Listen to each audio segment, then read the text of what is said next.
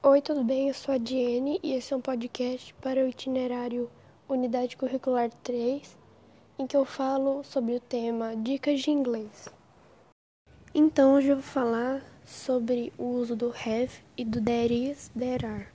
Muita gente confunde por influência do português. Mas, primeiramente, vamos pensar assim em uma rua cheia de gente. E a frase é a seguinte: Tem muita gente na rua.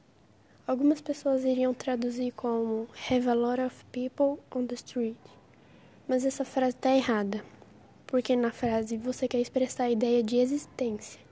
Para expressar a ideia de que algo existe, usar o verbo haver, você tem que usar there is, singular, e there are, plural.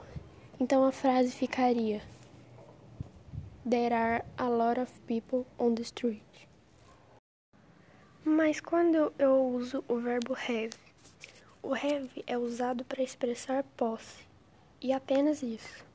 E ele também tem uso como verbo auxiliar, mas isso é um outro assunto. Eu poderia falar assim: I have a car. Eu tenho um carro. Lembrando que na terceira pessoa do singular, no presente, eu usaria has. Por exemplo, he has a car.